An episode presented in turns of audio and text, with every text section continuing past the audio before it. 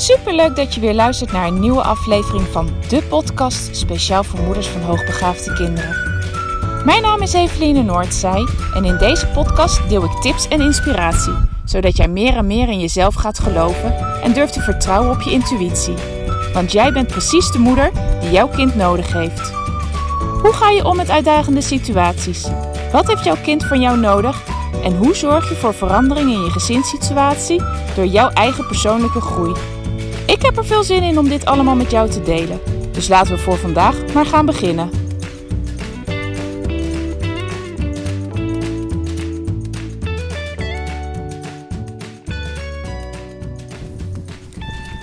Lieve luisteraar, daar ben ik weer. Een nieuwe dag, een nieuwe podcast. Wederom leuk dat je weer luistert. Aanstaande zaterdag, en misschien heb je het ook echt al wel meegekregen via mijn nieuwsbrief of via deze podcast. Op social media, maar aanstaande zaterdag is het dan zover. Dan organiseer ik Enjoy Mama.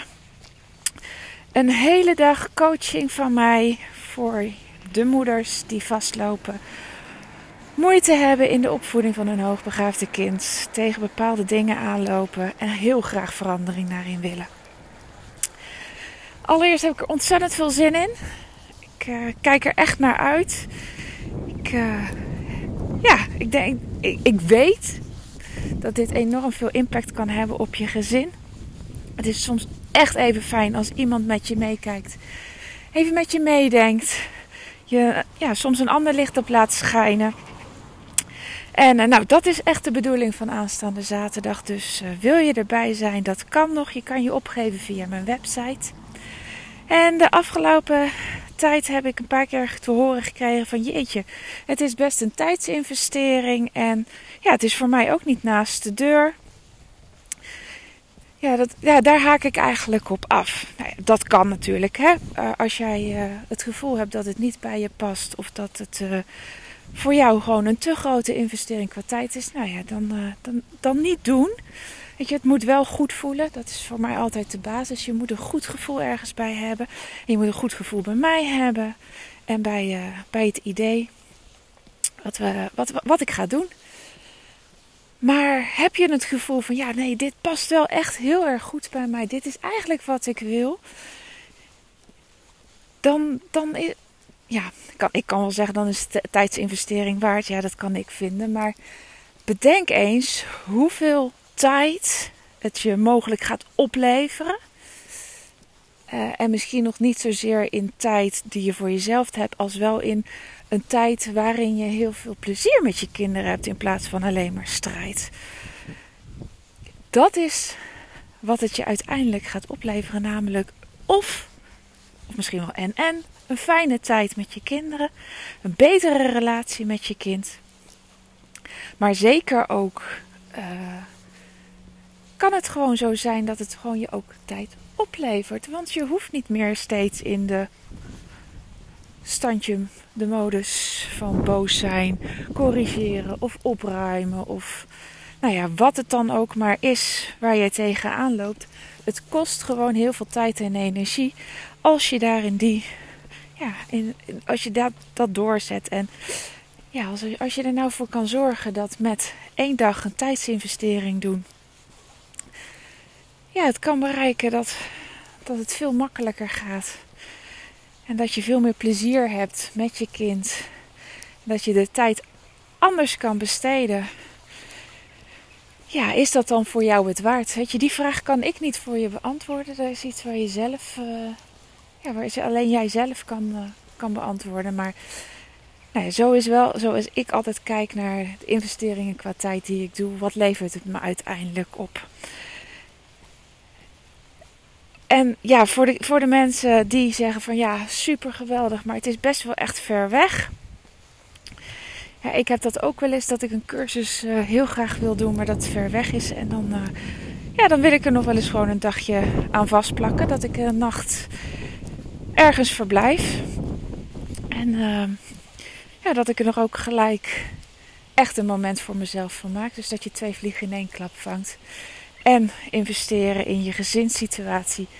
En even die me-time die je misschien wel heel hard nodig hebt of heel goed kan gebruiken, dat je die, uh, die ook pakt. Ik, uh, ik kijk vaak zo wel naar en ik vind het heerlijk als ik ergens naartoe ga om er dan ook even een moment voor mezelf aan vast te plakken. En misschien is dat voor jou ook wel zo. Dus, nou, nogmaals, denk je van ja, dit voelt goed, dit wil ik, hier wil ik bij zijn, dit ga ik doen. Ehm, voel je welkom uh, en je aanmelden kan via de website. En nou over naar het onderwerp van vandaag, want dat is vaardigheidstekort. Wij als ouders verwachten heel veel van onze kinderen. Dat ze hun kamer opruimen, dat ze klussen doen in huis zoals tafel dekken of nou ja, afruimen, vaatwasser inruimen, dat ze hun eigen kleding uitzoeken. Dat ze zorgen dat ze gewassen zijn. Dat ze hun tanden poetsen. Ook de omgang met vriendjes. Dat ze weten hoe ze zich moeten gedragen. Hoe je een ruzie oplost. Nou, noem maar op. Eigenlijk alles wat wij van onze kinderen vragen. Ehm, ja, dat, dat houdt in dat als ze dat moeten gaan doen, dat ze bepaalde vaardigheden nodig hebben. En op het moment dat het kind een bepaalde klus of, of, of het omgaan met een vriendjes en het oplossen van een ruzie niet zo goed weten hoe ze dat moeten aanpakken, wordt dat nog wel eens gezien door ouders als onwil. En ik ben ervan overtuigd Tuurlijk heb je momenten, laat ik eerst ervoor opstellen. Tuurlijk heb je momenten dat er onwil zit. Of dat het kind gewoon de hak in het zand zet. En nou ja, dat er een reden is waarom je kind het niet wil doen, terwijl het het wel kan. Maar ook heel vaak is het zo dat er verwachtingen van ouders er is dat, ze, dat het kind het al kan. Terwijl het kind het helemaal niet kan. Het beheerst het nog niet. De vaardigheid heeft het nog niet onder de knie.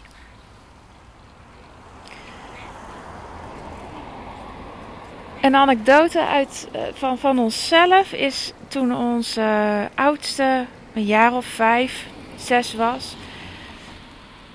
Nou, die maakte er altijd zo'n puinhoop van haar kamer. Echt verschrikkelijk. Die haalde alles uit de kast. En deed ze trouwens al toen ze heel klein was hoor. Als baby zijnde. Toen ze eenmaal kon zitten. En uh, dat, dat heeft ze altijd gedaan. Ze, het was altijd, als zij ergens mee had gespeeld, was alles uit de kast getrokken. Alles lag overhoop. Uh, heel de kamer lag. Nou ja, vanaf het moment dat ze meer op haar eigen kamer ging spelen. Heel de kamer lag bezaaid met alles wat ze maar in haar handen had gehad. En opruimen, homa, dat deed, daar deed ze niet aan.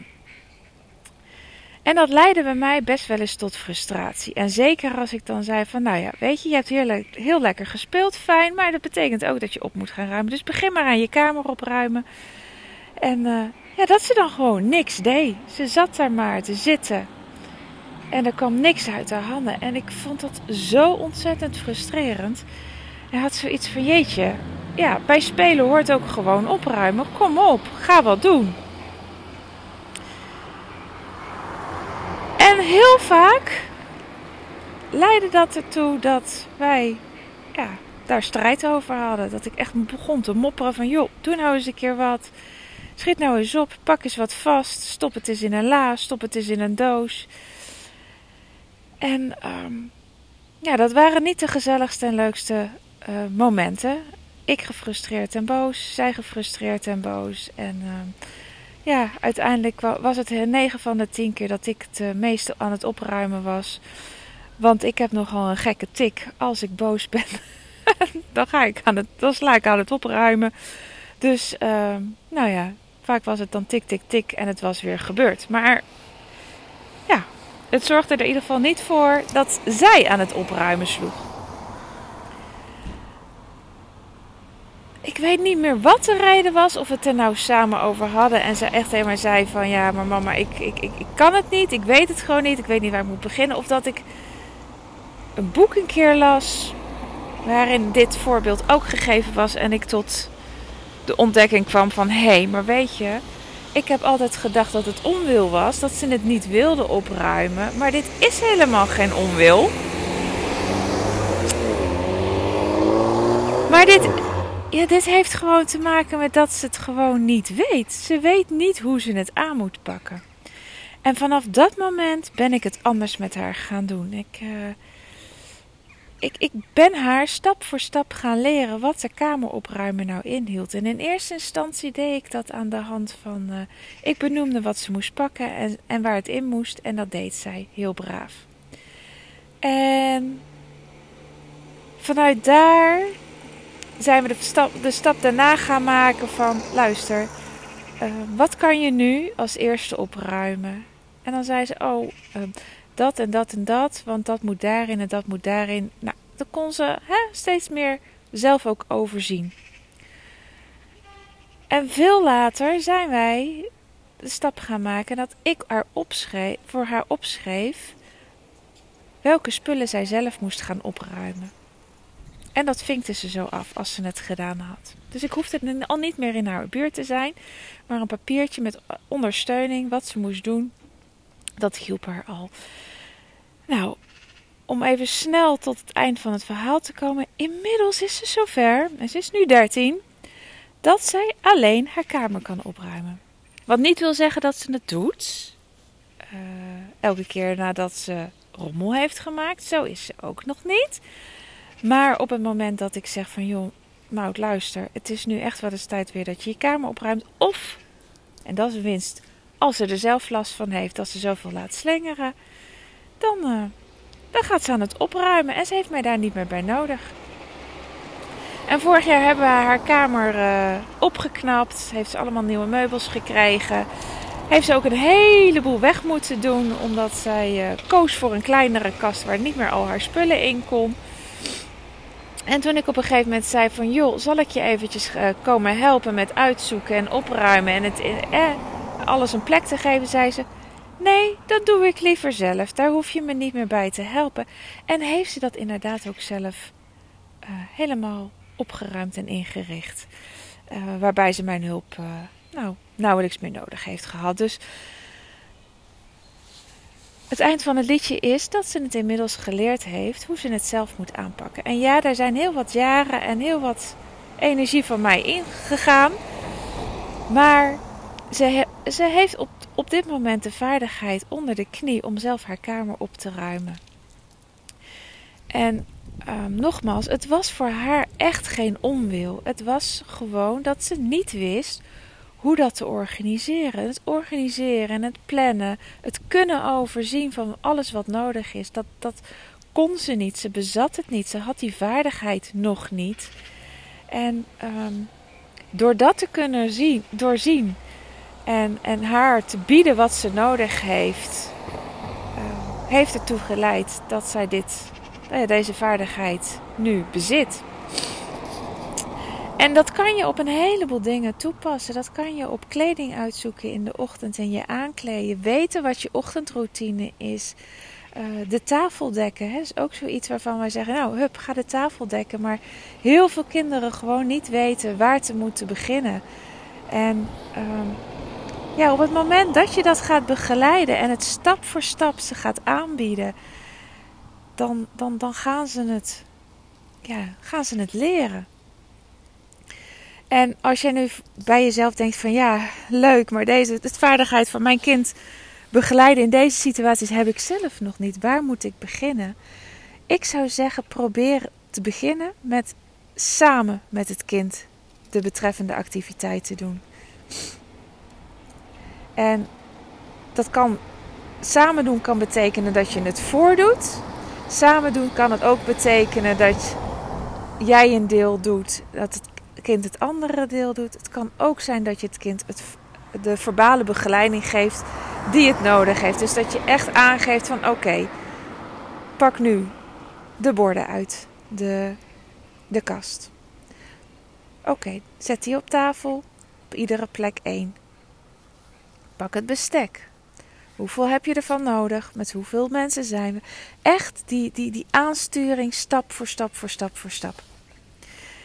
En later, op een later moment, of als jouw kind heel erg behoefte heeft aan autonomie en niet het niet goed doet op die stap-voor-stap begeleiding, schrijf het voor het kind op. En natuurlijk moet het kind daarvoor eerst kunnen lezen. Kan je kind niet lezen en kan je het eventueel misschien om, uh, ondervangen met picto's.